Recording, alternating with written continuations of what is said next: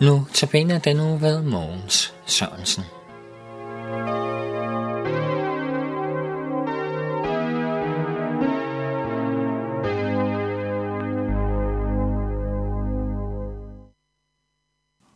Denne uges Nusabene har temaet lovsangen til Gud.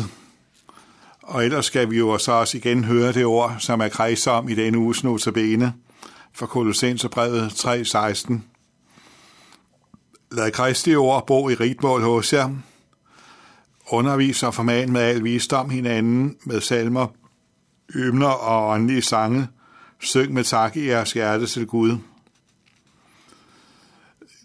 Ja, det er så det ord fra Kolossenserbrevet, der kaldes sangen og musikkens lille bibel, fordi det er nødskald, siger, hvad, hvad Bibelen har at sige om sang og musik. Vi har det seneste dage hørt om, hvordan vores sang i menigheden er forkyndelse af Guds ord med alt, hvad det indebærer. Paulus bruger så tre betegnelser her. Salmer, hymner og åndelige sange. Det er ikke uden videre til at gennemskue, hvad der er, der ligger i de tre betegnelser. Dog ved man, at ordet salme på nytestamentlig tid oftest var en betegnelse på de sange, som man har i salmernes bog fra det gamle testamente. Den hebraiske betegnelse for denne bog er egentlig ordret oversat lovsangene. Det er så tankevækkende, at de gamle israelitter også har regnet både salmer, klagesalmer og belærende salmer for lovsange. Vi har det jo med at kun at regne det for lovsange, når der bringes tak til Gud i en sang med direkte henvendelse til Gud i første person. Men vi skal nok forstå lovsang noget bredere – det er, det er også at give Gud æren, at vi kalder det for synd, som Guds ord kalder synd, og bekender det for ham. Det er at give Gud æren, når vi går til ham med vores nød og klager til ham. Vi giver også Gud æren ved at fortælle om hans gerninger. Afskillige steder i salmernes bog opfordrer sig til at lovprise Gud, og så at fortælle om alle hans gerninger i samme åndedrag. Så, for, så Bibelen forstår altså lovsang bredere, end vi gør. Da jøderne lavede en græsk oversættelse af det gamle testamente, så kom salmernes bog, øh, som vi kalder den, netop til at hedde salmers, salmerne, der egentlig på gammel græsk betyder sang til strengespil, til ledsagelse af lyre, som var et instrument, man ofte brugte før i tiden til sangledsagelse. Og og man har nok fundet det en passende betegnelse, fordi sangen i det gamle Israel ofte foregik til strengespil. Vi kan bare tænke på David, da han synger for Saul. Efterhånden blev det så en betegnelse på de gamle testamentlige sange. De første kristne var jøder og, og kendte sange til disse salmer fra synagogen. Og den sang har de helt sikkert taget med sig til den kristne menighed – hvor de nu så disse sange så, som profetier om Jesus, helt i lighed med resten af det gamle testamente. Vi synger dem også i dag, bare i gendækninger på rimede vers. Det var også det, vi indledte med at høre i dag, nemlig en gendækning af salme 103. Og det er også en god ting, at vi på den måde synger noget, der så er så direkte taget fra Guds ord. Der har så været strømninger i kirkehistorien, der har forbudt al anden sang end salmerne, altså de gamle testamentlige salmer.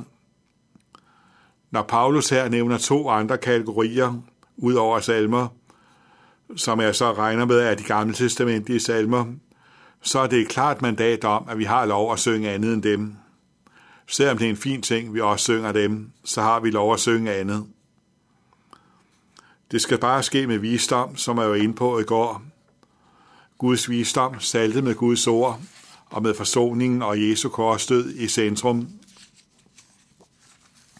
Hvad der ligger i de to andre betegnelser der med hymner og åndelige sange, det kan være lidt svært at gennemskue.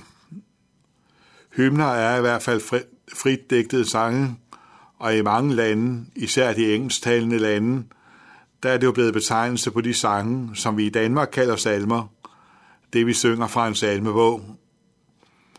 For i England hedder det jo en hymnebog, altså en hymnebog. Åndelige sange Her står der egentlig åndelige oder.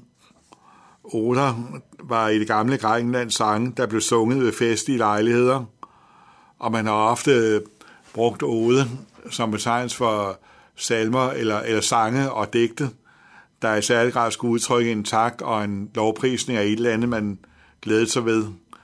Man kender det for eksempel fra Beethovens 9. symfoni med ode til glæden. Og her står der så utryggeligt åndelige oder, sange skrevet til samlingen om Guds ord, som for den troende skærte jo er en fest.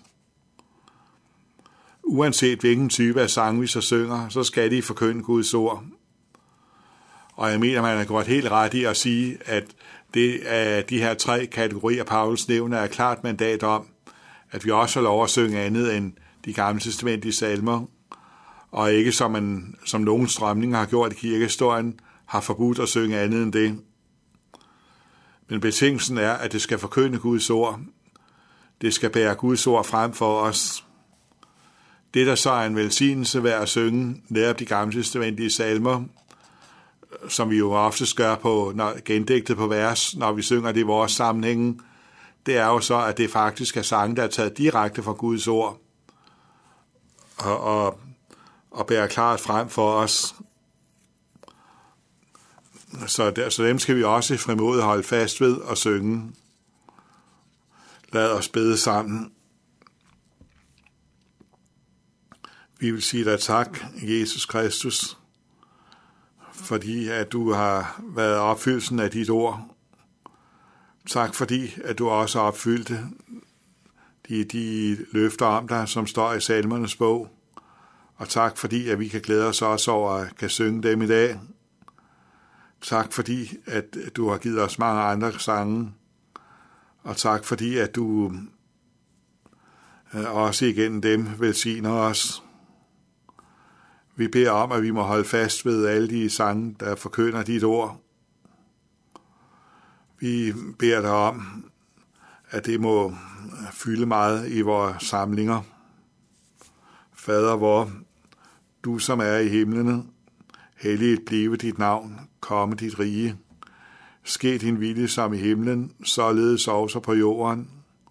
Og giv os i dag vores daglige brød, og forlad os vores skyld, som også vi forlader vores skyldnere. Og led os ikke ind i fristelse, men fri os fra det onde, for dit er riget og magten og æren i evighed. Amen.